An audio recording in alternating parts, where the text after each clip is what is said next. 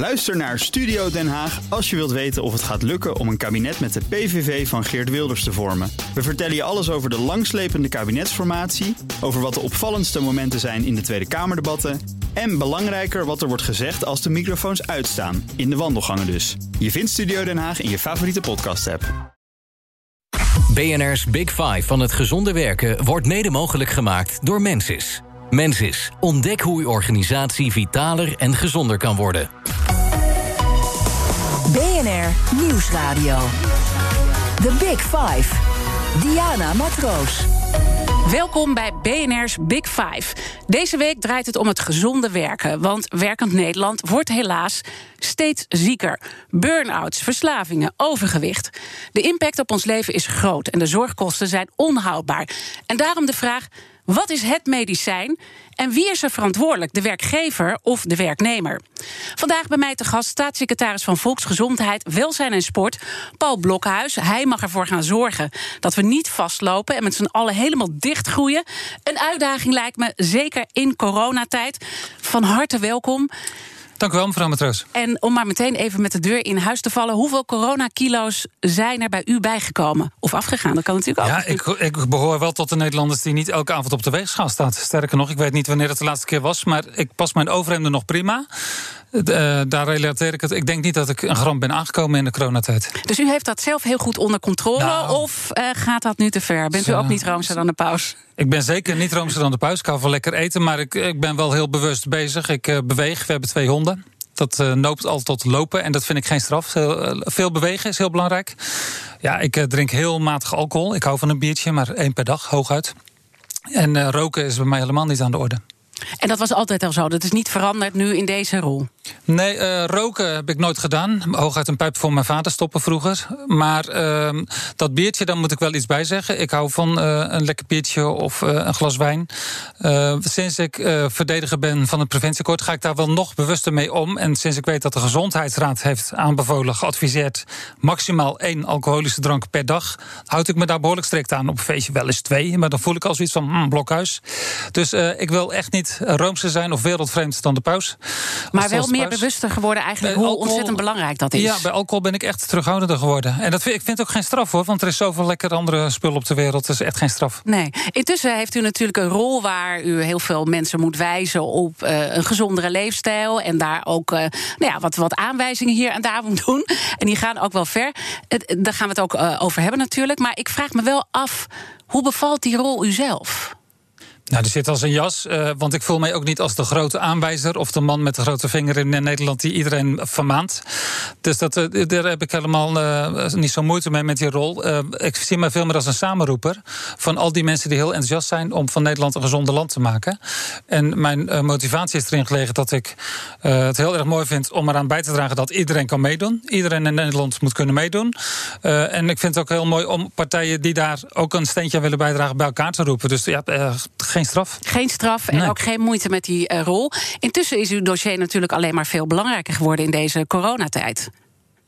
Ja, dat is best wel bijzonder. Uh, want aan de ene kant zie je dus inderdaad dat mensen... Ja, die zitten thuis, die gaan thuis werken, die gaan Netflixen... die gaan misschien vaker een sigaretje pakken als ze al rookten. Overigens niet iedereen. Maar je ziet dus inderdaad dat aan de ene kant... verleidingen om toch een foute keuze te maken... of een niet gezonde keus groter worden in deze tijd. Tegelijkertijd krijg ik een enorme duw in de rug van medici... die mij massaal oproepen... ga alsjeblieft verder met dat preventiebeleid... want daar is zoveel winst te halen. En juist in de coronatijd zie dat uh, tonen die medici aan dat als je bijvoorbeeld rookt, als je overgewicht hebt, als je overmatig alcoholgebruik hebt. Um, dan hoor je bij risicogroepen, met andere woorden, dan ben je minder weerbaar. En dan is jouw ziekteverloop, als je door corona wordt getroffen, is, uh, is heel vervelend. En diezelfde medici, uh, dat zijn dus geen politici. Dat zijn niet mensen die in dienst nee. van VWS werken. Die roepen massaal. Er was een petitie, 2000 mensen voor de zomer. Allemaal medici en wetenschappers die zeggen... alsjeblieft, geef gas waar het gaat om preventie. Dus ga alsjeblieft verder met je preventiebeleid. Dat is een hele mooie duw in de rug. Ook het bewegen. We hebben het initiatief van Joop Albeda gehad, oud volleybalcoach. Ja. Met Guus Hiddink, met Bas van Goor en andere bekende sporters uh, of trainers. Die zeggen we moeten meer bewegen. Die twee werelden komen bij elkaar. Meer bewegen, gezond eten. Ja. De gezonde keuze makkelijker maken. Ik voel me daarin enorm gesteund. En corona noopt ons om eigenlijk Echt door gas te te, pakken geven. nu. Ja, precies. En, en dat vind ik dan zo boeiend als ik kijk uh, naar deze tijd. Hè, want uh, u wordt gesteund, die medici die spreken u daarop aan. U zegt dat zijn niet dus de politici die Ja. dat benadrukken. En tegelijkertijd zien we nu in het politieke klimaat dat alles draait om dat virus onderdrukken. En dat er eigenlijk heel weinig aandacht is voor dit onderdeel. Ja, en dat eh, doet bijvoorbeeld die medici ook verdriet. Die zeggen, juist hier moeten we nu aandacht voor hebben. En nu zijn even de velden wit om te oogsten. Nu moet je eigenlijk uh, doorpakken. Um, en ik denk dat we niet alleen mensen um, moeten wijzen op de anderhalve meter uh, regel en andere RIVM-maatstaven. Maar dat we ook dat andere kant, die andere kant van dat verhaal moeten laten zien. Van, zou dit nou niet ook een hele mooie tijd zijn om bijvoorbeeld stoppen met roken? Wij weten ook dat een substantiële groep rokers juist in deze tijd overweegt om te gaan stoppen met roken. Ook door corona. Dus um, het is inderdaad heel veel ballen die mensen in de lucht moeten houden. Mensen moeten aan heel veel dingen denken. Maar we beginnen donderdag met de Stoptober uh, vier ja, dus weken. dit zijn even wat mooie momenten om Ja, dat uh, door te pakken. En, ja. en dan zijn er heel veel mensen, meer nog dan vorig jaar. Vorig jaar was het elke keer 50.000 deelnemers. En dit jaar zijn er meer mensen die zeggen... ik ga het eens uh, serieus proberen, stoppen met roken. Het animo is er en daarin zijn er denk ik ook wel wat vruchten... die u kunt plukken van dat beleid, hè, wat, wat u heeft ingezet... als het gaat om tabak, om stoptober... Ja. hebben we natuurlijk op 1 oktober... maar ook die rookpalen worden nu uh, verwijderd. Volgens mij morgen uh, gaat de laatste weggehaald worden. Ik mag naar het Spoorwegmuseum om daar de laatste in ontvangst te nemen. En dat is trouwens wel heel mooi ook, want dat geeft aan hoe breed die beweging is. Dat is een actie van ProRail. Ja. Dat is ook geen overheid, maar er zijn dus allerlei maatschappelijke organisaties die zeggen... wij dragen ons steen bij, we willen een gezondere samenleving... zonder dat we mensen per se altijd dingen verbieden... maar gewoon de gezonde keuze makkelijker ja. maken, daar hoort dit ook bij. En hoe fijn is dat voor u? Hoe trots maakt het u dat deze momenten daar nu zijn? Ik vind dat heel gaaf. Uh, en niet omdat u de vraag stelt, maar uh, dat meen ik oprecht dat ik dat ja. heel mooi vind. Uh, om te laten zien hoe breed die beweging is. En toen wij in 2018, dat was het eerste jaar van dit kabinet, bezig waren in de aanloop naar dat preventieakkoord, waren er ook partijen die zeiden van, nou, als dit erin komt in dat akkoord, dan weet ik niet of ik dat meemaak. en van beide kanten van het spectrum. Even heel simpel, de, de producenten van alcoholische dranken, de slijterijen, die zaten aan tafel met de mensen die heel erg tegen alcoholgebruik zijn. En voor mij was de kunst om die allemaal aan boord te houden en allemaal enthousiast te houden. En dat is nog steeds tot de dag van vandaag het geval. The Big Five. Diana Matroos. Je luistert naar BNR's Big Five van het gezonde werken. Later deze week zal ik spreken met psychiater Damian Denis en de voedseldeskundige Louise Fresco. Maar vandaag, uh, zoals nu te horen, staatssecretaris Paul Blokhuis is bij mij te gast. Er zijn natuurlijk successen en daar hoort dit verhaal uh, ook bij. Maar er is intussen ook wel de nodige kritiek, ook als het gaat om dat preventieakkoord. Laat ik even beginnen met het onderdeel roken. Hè. De, de, winst is, ze zijn weg, die palen, bij de stations. Ja. En dat is een enorme winst. En het maakt u trots dat dat op die manier gebeurt. Tegelijkertijd is er ook onderzoek van het Trimbos Instituut dat het aantal rokers onder volwassenen wel daalt, maar onder de jongeren ja. niet. Ja. Dat lijkt me ongelooflijk frustrerend. Ja, dat is frustrerend, want de eerste, het eerste doel met roken in het preventieakkoord is een rookvrije generatie. En dan heb je het eerst over de jongeren. En als het daar stagneert, ja, dat is wel een soort nederlaag. Het is één jaar gegeven, uh, maar dat, uh, dat geeft aan dat we daar extra inzet moeten gebruiken om toch onze doelen te bereiken. En uh, ja, dat doen we ook op alle mogelijke manieren. Want de tabaksindustrie is heel inventief om jongeren te verleiden aan het roken te komen. Elke elke dag van de week beginnen er 75 kinderen onder de 18 met roken. En een groot deel daarvan zal verslaafd raken. En zelfs een substantieel daarvan overlijdt daar dan aan. Uh, dat is voor mij een grote motivatie om hier flink door te gaan. En bijvoorbeeld uh, de e-sigaret uh, is nog steeds best wel common sense in Nederland van nou, dat is toch een wat veiliger alternatief. Onderzoek wijst ook wel uit dat een e-sigaret weliswaar schadelijk is, maar misschien wat minder schadelijk dan een gewone sigaret. De lange termijn effecten weten we niet. Maar wat we bijvoorbeeld zien is dat de industrie, en dat is niet alleen de tabaksindustrie, ook gewoon de industrie van de e-sigaretten, die verleiden jongeren op alle mogelijke manieren om eraan te beginnen. Alleen al door het inbrengen van honderden soorten smaakjes. Uh, anijs, uh, aardbei, alles. En uh, Ik heb dat bij het RIVM gezien, gezien. Ik dacht, wow, wat inventief. Maar tegelijkertijd ook heel verleidelijk voor jongeren om te beginnen. Want Dus- die dus smaakjes die zijn ja. gericht op de Ja. jongeren. Nou ja, dat heeft mij ertoe gebracht om te zeggen... dan gaan we die smaakjes, die gaan we gewoon verbieden. Alleen tabaksmaak houden we dan nog in de lucht... voor eh, letterlijk en figuurlijk voor de e-sigaret. Omdat de e-sigaret wel degelijk ook een rol kan spelen... voor mensen Mhm. die willen afkicken. Te zeggen, via de e-sigaret kik ik af. Maar alleen daarvoor zou ik hem willen gebruiken. En niet om jongeren te leren roken. Ja. Dus die smaakjes moeten eruit. Dus, dus dat, gaat, eh, dat is dan een stap die genomen wordt. Maar we hebben bijvoorbeeld eh, de longarts, hè, mevrouw, de Kanter, eh, mevrouw Ja, Kanters, gehoord. Wanda, ja. En die is gewoon heel kritisch en die gaat gewoon een stap verder. Die zegt, ja, al die verkooppunten die we nog hebben... Hè, dat is door de tabakslobby is dat uiteindelijk toch erin gekomen. Het wordt echt tijd om het preventieakkoord open te breken. Ja. Nou, waar het gaat om verkooppunten, hebben we ook in het preventieakkoord afgesproken dat dat minder moet worden. Er moeten minder verkooppunten komen. En er zijn nu, eh, voor zover wij weten, 16.000 verkooppunten in Nederland. Dus bij wijze van spreken, elke hoek van de straat kan je tabak halen. Een belangrijke slag is al het eh, uitfaseren, het verbieden van de automaten. Dat zijn er bijna 6000. De, de sigarettenautomaten. Vanaf 2022 gaan we die niet meer terugvinden. Dat is einde oefening.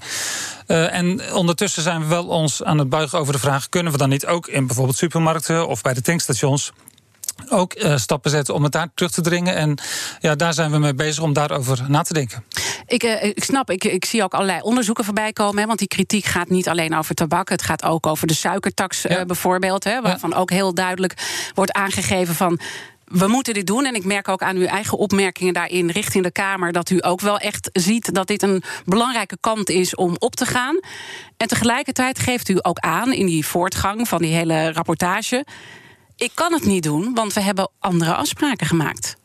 Ja, maar er staat nou niet een hulpeloos vogeltje tegenover u met de, eh, met de rug tegen de muur van oh, ik kan niet meer of zo. Laat ik vooropstellen dat ik echt eh, heel erg trots, oprecht trots ben op het preventieakkoord. Want daar is een hele belangrijke beweging mee in gang gezet. Op drie belangrijke thema's: overgewicht, tegengaan, eh, roken moet de wereld uit, althans in Nederland, maar wat mij betreft de hele wereld. En problematisch alcoholgebruik. Die drie thema's.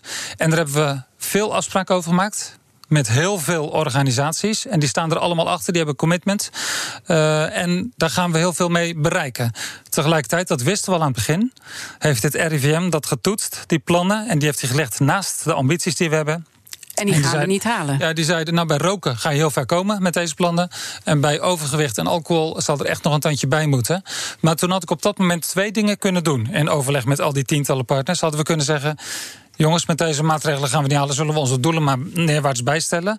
Gelukkig hebben we dat niet gedaan. Ik zei, ik wil die strakke doelen overeind houden. Dus echt terugdringen van overgewicht.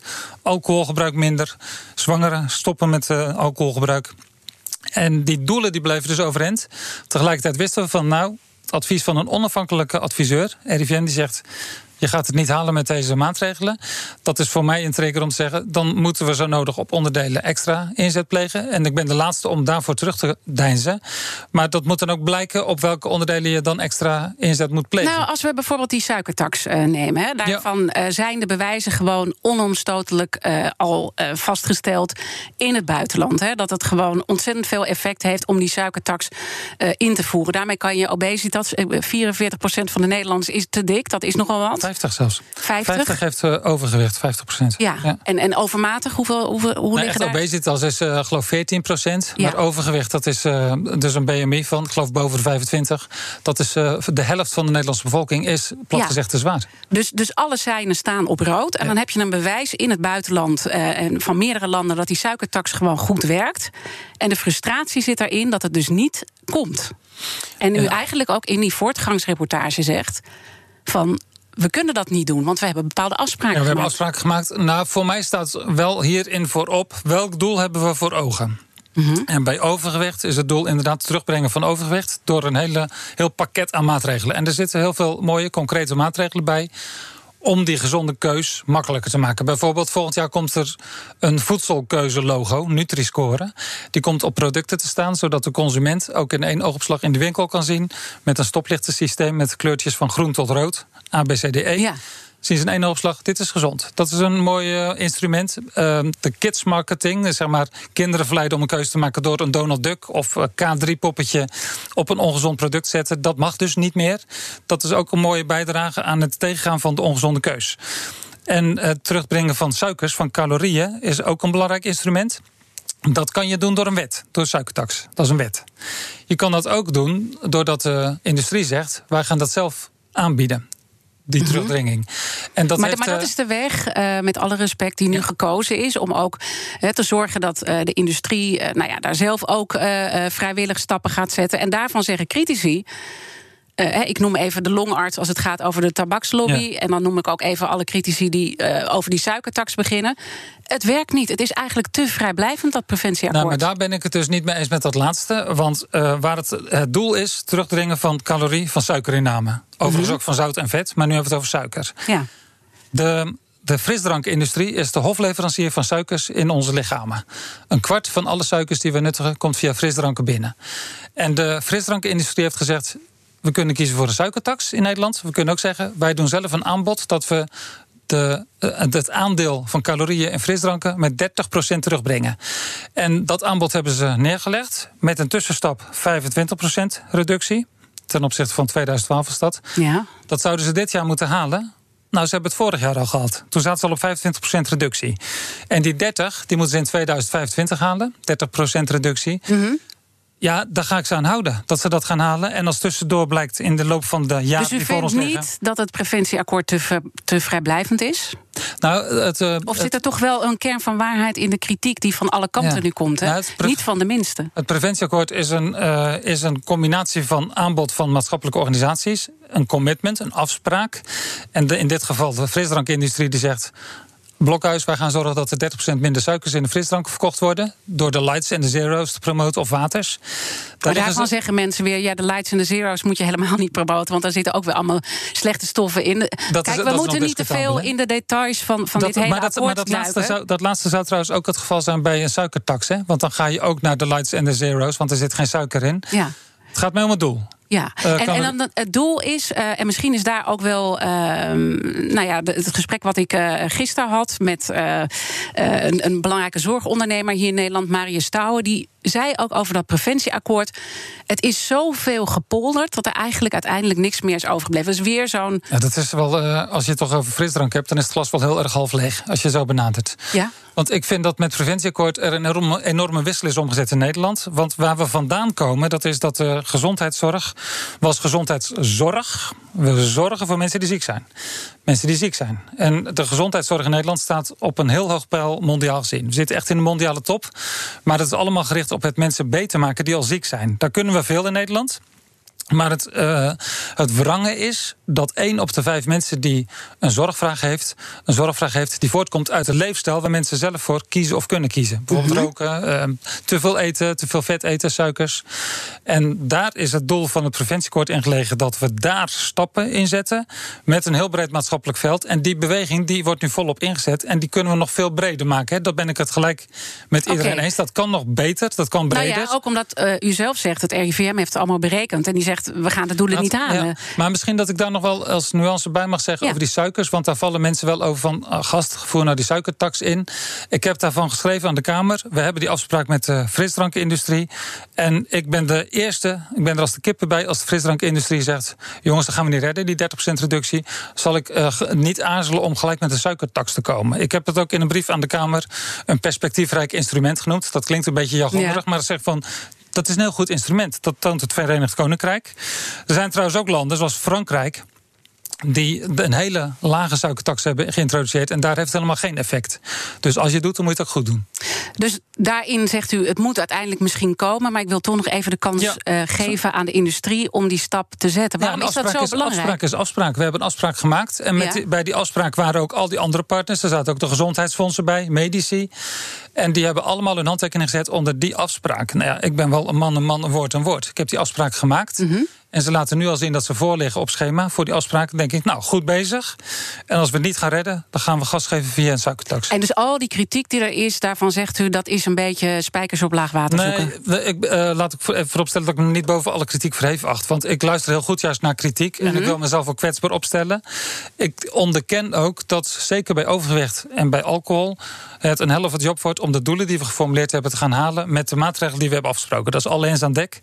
Moeten we trouwens bij zeggen campagnes die we gaan doen, die heeft het RIVM niet meegewogen. Dus als een campagne heel effectief is, dat kunnen ze niet wegen. En stel je voor dat dat wel het geval is, dat draagt wel bij aan het halen van het doel.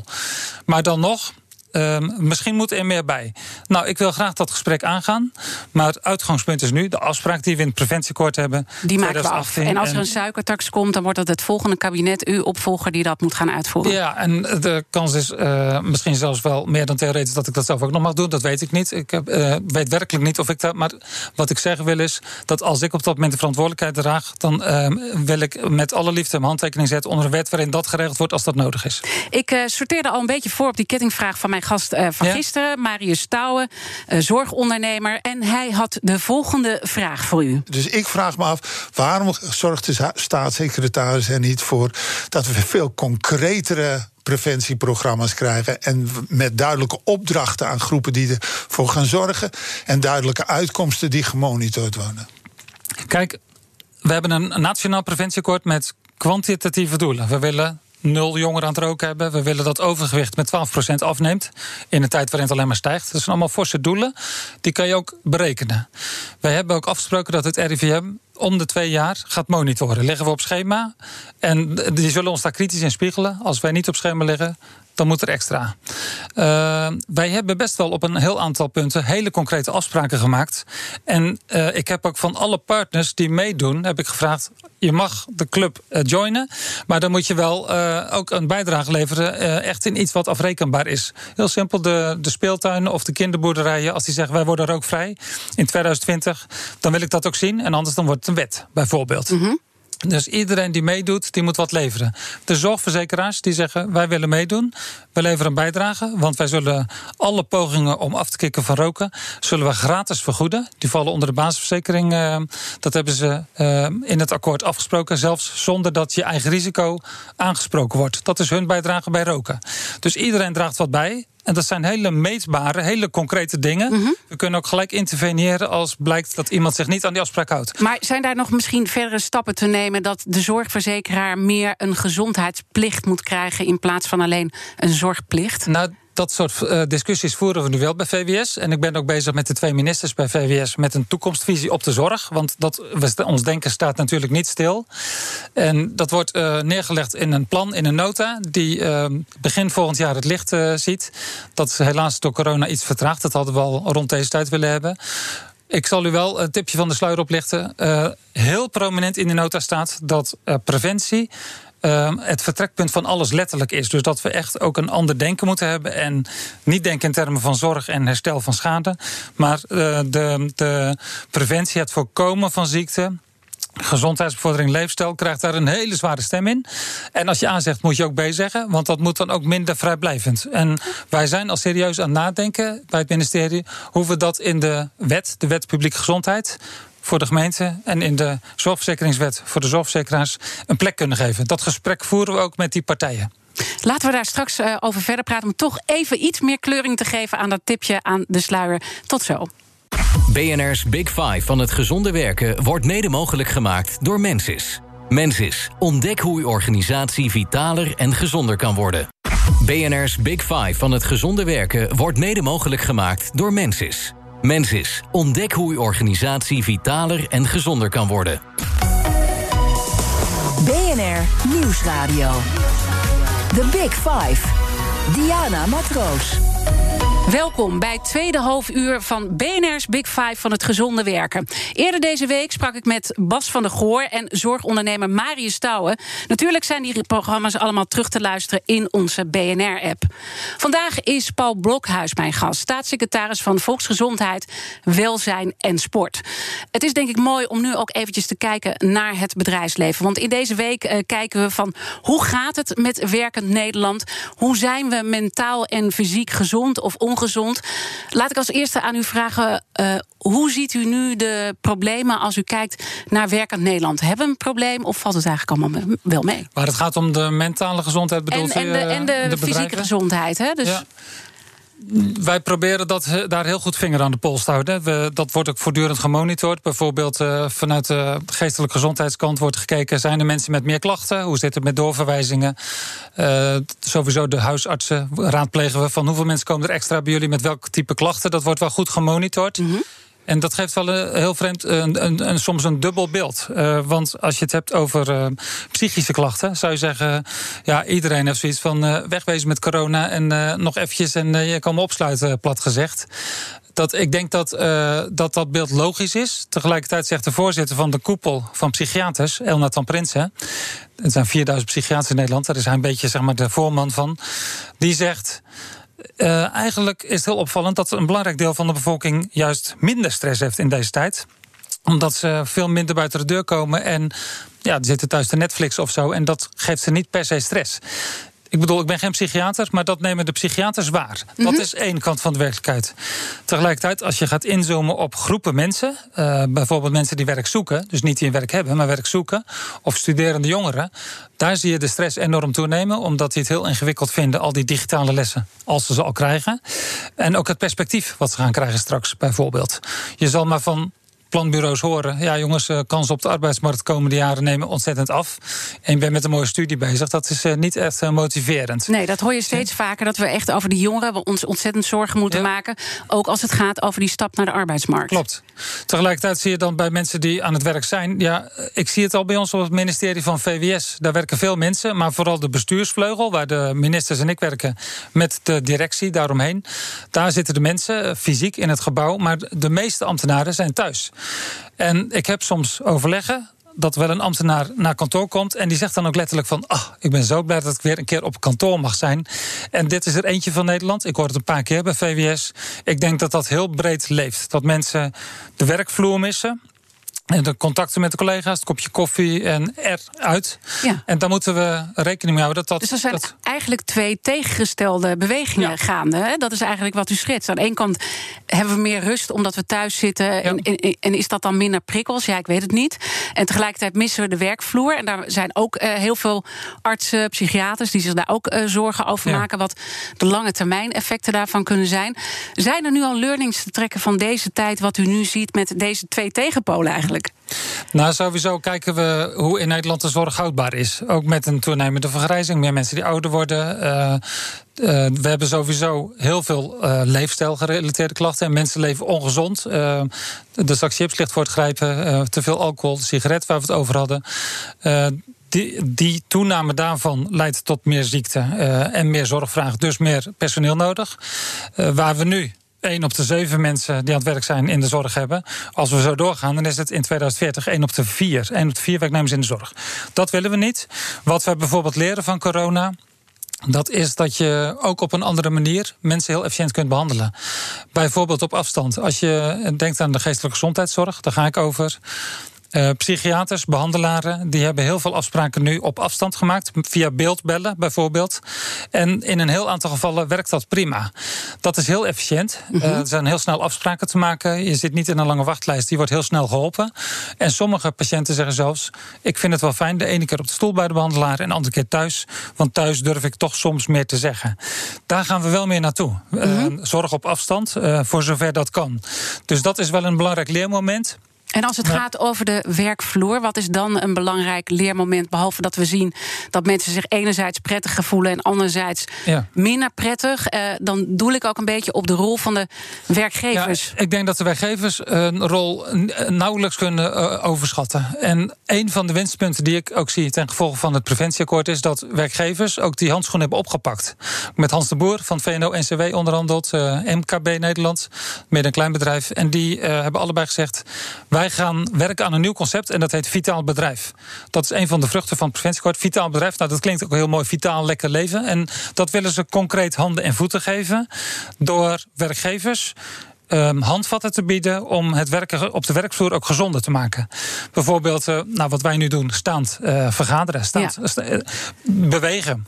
Bijvoorbeeld ook uh, het vanzelfsprekend maken dat als je een vergadering hebt, dat dat niet altijd per se zittend in een kringetje moet. Dat kan ook lopend buiten. Dus Ja. wat mij betreft zien we in de toekomst meer mensen buiten vergaderen. En, en dan wil ik het niet eh, cynisch afdoen, want ik vind het heerlijk om te staan. En dat doe ik niet Ja. alleen vanuit een gezondheidsaspect. Maar ik merk zowel dat ik eh, als mijn gasten vaak meer energie uitstralen. in Nog het- meer energie dan normaal. Nog meer energie dan normaal. Dus, dus daarin vind ik het heel functioneel. Tegelijkertijd zie ik, eh, eh, ja, jeetje, hoe lang werk ik al? Die staande bureaus hadden we al ontzettend lang. En Ja. met allerlei leuke vitaliteitsprogramma's. Bij, en dan heb ik niet spe- specifiek over BNR, maar ook andere bedrijven waar ik heb gewerkt. Het komt allemaal heel moeilijk van de grond. Ik ben bang dat ik u daarin gelijk moet geven. Volgens mij hebben we het over niet meer en niet minder dan een cultuurverandering. Eh, ook het gezonde eten op de werkvloer. Hè. Zorg dat er gezond eten is in de kantine. Ja. Eh, en zorg voor stoppen met rookprogramma's als werkgever. Dus de werkgever kan echt heel veel doen. En dat zie je nu mondjesmaat van de grond komen. En ik hoop met u dat dat niet, net als een paar jaar geleden, een soort eendagsvliegen zijn. die ook weer een snelle dood sterven. Maar hoe, hoe kom je tot die cultuurverandering? Hè? Dat je dus, eh, want je kan allerlei concrete projecten bedenken, maar dat het echt nu dit keer wel gaat landen, omdat alle seinen staan op rood. Weet je, mensen Klopt. worden hier ongelukkig van. Ja. De zorg kan het niet meer aan. Ik bedoel, er moet nu gewoon echt een grote shift komen. Ja, daar ben ik het mee eens. En ik ben ook wel optimistisch. Ehm, ik hoop dat ik ook realistisch ben. Daar doe ik mijn best voor. Maar ik eh, zie dus bij, de, bij zo'n preventieakkoord en de hele preventiebeweging, leefstijlbeweging, dat het nu menens is voor heel veel grote partners in Nederland. De grote partijen. Eh, de sportkoepels, eh, de medici, het onderwijs, werkgevers, werknemers, de gezondheidsfondsen. Er is nu een heel breed draagvlak eh, voor het aandacht geven aan leefstijl. En dat is echt substantieel meer dan tien jaar geleden. En als je in die flow zit, in die beweging, het preventieakkoord noem ik ook een beweging. eh, wat mij betreft is dat ook een beweging die niet meer te stoppen is. Dat is een bal die is gaan rollen. En ook in een volgend kabinet wordt daar aandacht aan gegeven. En wat mij betreft veel meer nog dan nu. Ik, ik ben ervan overtuigd dat die beweging niet meer te stoppen is. En ook dat werkgevers, omdat die dat concept van vitaal bedrijf nu heel breed omarmen, dat die ook zien welke winst er is. Niet alleen voor de individuele werknemer, maar juist ook voor de werkgever zelf.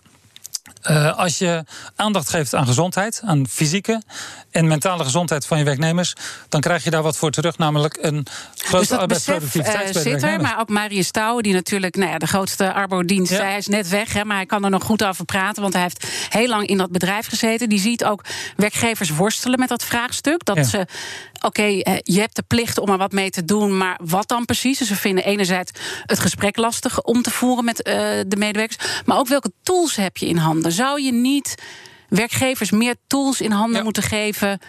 Om tot een verplichting, hè, dat je ook een beetje die werknemer op het matje kan roepen. Ja, een tool vind ik eh, minder ver gaan dan een verplichting. Eh, ik, ik ben nog niet zo ver dat ik zeg, we moeten dat in de wet opschrijven dat een werkgever dit of dat moet doen. Goed werkgeverschap zit natuurlijk wel in het algemeen verankerd in de wet. Maar ik vind het eh, belangrijk dat je enthousiaste werkgevers hebt die geloven in dit concept. En nogmaals, ik geloof erin dat dat een vlucht gaat nemen. Dat we in een flow zitten. Dat dat echt een beweging wordt waarvan je zegt, daar wil ik bij horen. En dan hebben werkgevers wel wat nodig inderdaad. Dat is concrete handvatten. Inderdaad, welke ideeën kun je ontwikkelen? Op welke manieren kun je werknemers verleiden om die gezonde keuze te maken? Of daarin ondersteunen? Ehm, en welke gesprekstechniek heb je daarvoor nodig? En ehm, laat ook zien wat je daaruit terugkrijgt. Dat valt allemaal wat mij betreft onder die vlag van Vitaal Bedrijf. Dat is een programma. Dat maakt de overheid niet. Dat maken de werkgeversorganisaties zelf. VNO, NCW, MKB. Ik ga maandag naar Limburg eh, in het kader van een werkbezoek. Dan wordt dat concept ook gelanceerd in Limburg. En dat houdt dus ook in dat werkgevers concrete tools in handen krijgen. Handvatten, ideeën. Hoe ze gezond werken. Noem, makkelijk noem eens een voorbeeld. nou, wat ik net noemde, eh, ideeën rond eh, staand vergaderen, lopend vergaderen, gezonde kantine. En hoe je daar eh, met, zeg maar, met bijvoorbeeld je ondernemingsraad het gesprek over kunt aangaan. En vaak is dat overigens vooral het gaan doen. Want waar ik tegenop zag was de overheidsgebouwen eh, rookvrij maken. Ja. Dat is iets gevoeligs, de, de rookplekken. Dat zijn toch wel verworvenheden. Maar de ondernemingsraad, die nu voor, voor alle ministeries samen die, die dat vormgeeft, die is daar heel enthousiast over en die helpt ons daarin. Dat hadden we echt twee, drie jaar geleden niet gedacht dat dat zou gebeuren. Dus ik zou ook zeggen tegen werkgevers, die tools Die die zijn er. ondernemers. Ja. Maar ga dan ook je enthousiasme tonen en ga dat gesprek aan met vertegenwoordigers van je werknemers. Ja. Eh, en volgens mij is dat een heel positief, per definitie, En een er- positief gesprek. En, en, en zit er dan ook nog een vergezicht wat verder gaat dan dat staand, eh, eh, zonder er badinerend over te doen, maar dat idee en de gezonde kantines is Ja. er natuurlijk al heel erg lang. Ja. Dus zit, zit er ook iets, ik zit gewoon, waarom, waarom lukt het toch niet om het nou, voor elkaar te krijgen? Ik denk dat het een cultuurkwestie is. Een van mijn collega's toen ik wethouder was in de woonplaats waar ik toen wethouder was, die, die had staantafels voor, om te vergaderen. En die had mensen die die uitnodigden, die kwamen daar binnen, die schrokken en zeiden: Wat is dit? En dan moeten we gaan staan. En na twee, drie dagen werden die tafels weer weggehaald omdat mensen ervan schrokken. Ja, dan is het even een kwestie van volhouden. En ik kom steeds terug op dat punt. Volgens mij is het nu een kwestie van doorpakken. Uh, die bal die is aan het rollen. We zitten in een goede flow. We hebben het een paar keer geprobeerd. Um, we hebben ook heel lang gedacht van uh, roken, jongens, uh, laat iedereen toch. En uh, dat is toch een eigen keus. Nee, het is een verslaving, het is een foute keus. Ongezond werken is ook een foute keus. Als we dat onder ogen zien en daar een hele brede beweging achter zetten. VNO en, NCW en MKB hebben nooit nog als collectief gezegd: daar gaan we voor. Nee, dus, dus dat, dat ziet u als grootste winpunt dat iedereen het nu zegt: we gaan ervoor. Ja. Nu komt het dus aan op de uitvoering, waar intussen heel veel mensen kritisch over zijn, over die uitvoering, dat het allemaal te vrijblijvend is. En dan kom je toch bij die plicht uit. Uh, ik zit gewoon even te filosoferen. Dit komt ook door het gesprek wat ik met Marius Stouwen heb gehad. Die zei eigenlijk, zou je als werkgever ook tegen je werknemer moeten uh, kunnen zeggen... als die gewoon te dik is en daar niks aan gebeurt... joh, misschien pas je niet bij dit bedrijf. En dat je iemand gewoon, gewoon ja, kan ontslaan. Ja, maar eh, we moeten dan wel onder ogen zien dat uh, overgewicht heel veel oorzaken kan hebben. Zelfs medicijngebruik, hè? Ik was pas bij een ja, nieuwe aanpak in Rotterdam... Waar, uh, waar alle belangrijke hulpverleners bij elkaar waren om uh, zeg maar afspraken te maken. Ja, daar zei een professor die zei. Er was een man die leefde helemaal volgens de schijf van vijf. Dus super gezond qua eten. Uh, die bewoog en die kwam toch enorm aan. Tot straks kwamen dat het door medicijngebruik kwam. Dus ik zou niet te snel iemand afserveren met overgewicht. Uh, sowieso niet afserveren. Maar ik zou wel het gesprek aangaan. Maar dat is al een overwinning als je dat doet. zelfs artsen vinden dat moeilijk. Huisartsen zullen niet zo snel bij iemand die, die hoge bloeddruk heeft of hartfalen zullen ze niet zomaar zeggen van... ja, wat hier tegenover me zit, dat is echt 40 kilo te veel... daar moeten we aan werken. Die wat is ook dat heel... taboe toch? Want dat, komt steeds in die gesprekken komt dat naar voren... dat, dat men het heel spannend vindt nou ja, om het over te hebben. Verplaats je in de schoenen van de huisarts of van die werkgever... het is best wel een uh, ingewikkeld onderwerp... Uh, om iemand op bijvoorbeeld zijn overgewicht aan te spreken. Tegelijkertijd kan dat. Hè. Uh, ik hoorde een huisarts die zei... ik ga echt niet aan iemand vragen... vind je zelf ook niet dat je een beetje te zwaar bent? Je kan wel vragen, is uw gewicht constant? Ja. En dat is een hele mooie zieke vraag. En dan zegt iemand, ja, ik weeg al een poosje 120 kilo. Maar ja, dat is natuurlijk wel te veel. Ja. Want dat laatste zullen ze dan vrijwel in alle gevallen eraan toevoegen van... laten we wel wezen, het is wel te veel.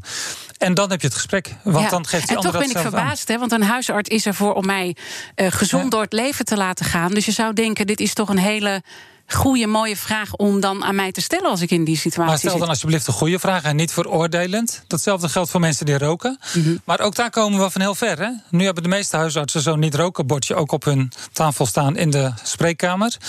Uh, dat was 10, 15 jaar geleden echt geen praktijk, geen issue.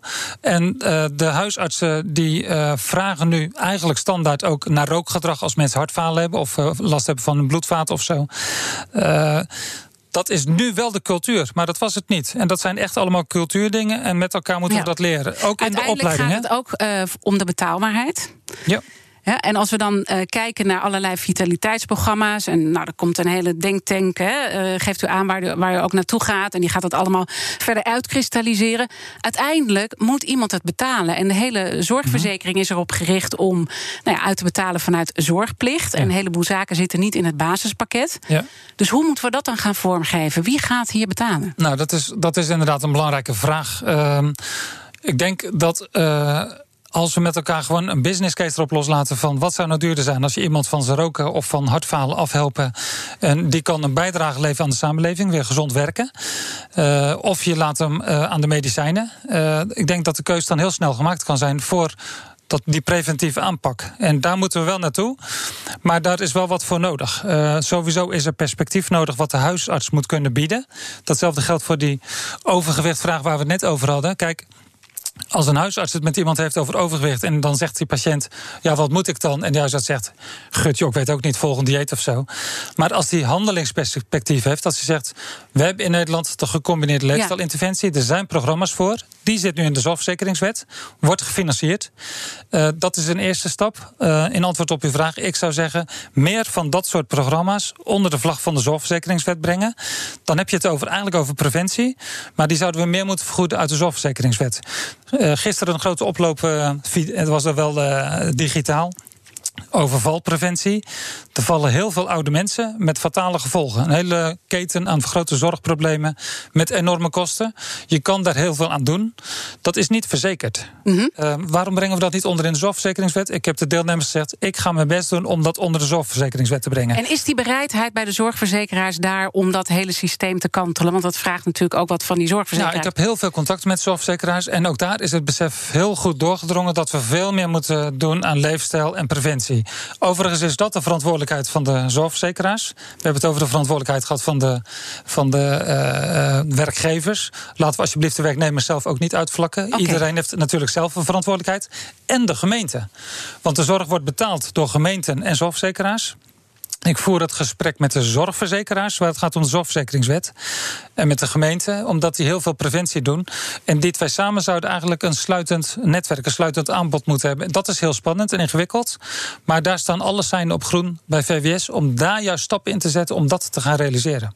We praten zo uh, verder, maar eerst natuurlijk eventjes naar Jurgen Rijman. Want zometeen heeft hij om uh, 11 uur het programma Ask Me Anything. Jurgen, waar ga je het over hebben? BNR Nieuwsradio. The Big Five. Diana Matroos.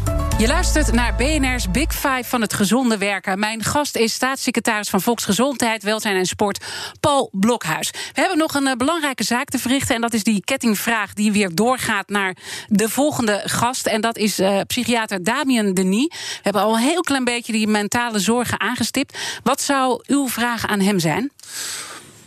Ik ken Damian, want hij was hiervoor uh, voorzitter van de koepel van de psychiaters voor Elnathan Prinsen, die ik zojuist citeerde. Uh, ik zou aan Damian willen vragen. Uh, wij hebben in Nederland zeg maar meer dan een miljoen mensen in behandeling in de GGZ per jaar. En ook wachtlijsten. Damian, help mij en geef mij de top drie van oplossingen voor die wachtlijsten. Oké, okay, dat ga ik uh, meenemen bij hem. Ik ga natuurlijk ook met hem praten over uh, de geestelijke problemen die we nu zien in Nederland, de vele burn-out. Ja. Uh, ik weet dat hij ook heel erg nou ja, van mening is dat perfectie in het leven mensen enorm onder druk zet, ja, ook op de klopt, werkvloer. Klopt.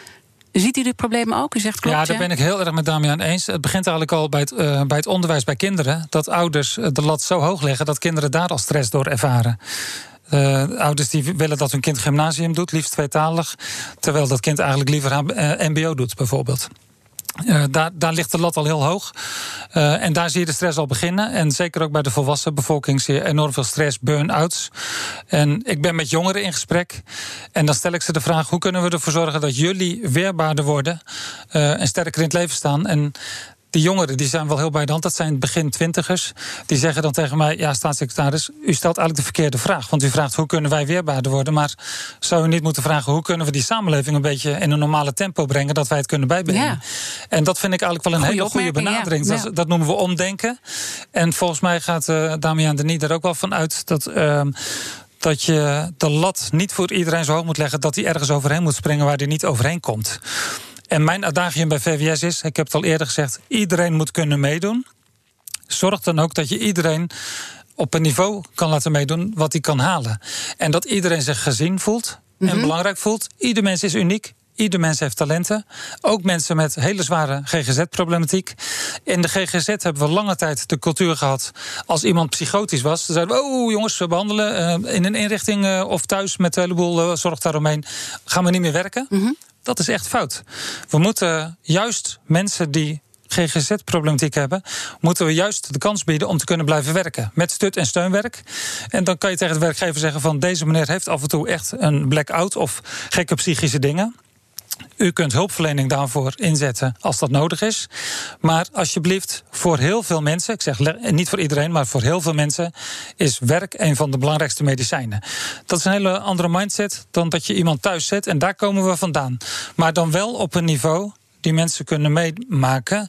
En dat heeft ook te maken met de behandeling in de GGZ. Mm -hmm. Daar zal Damian, neem ik aan, wat over zeggen van moet je iemand uh, 30 jaar behandelen via hetzelfde stramien, moet je zeggen, we gaan eens wat anders proberen. Mm -hmm.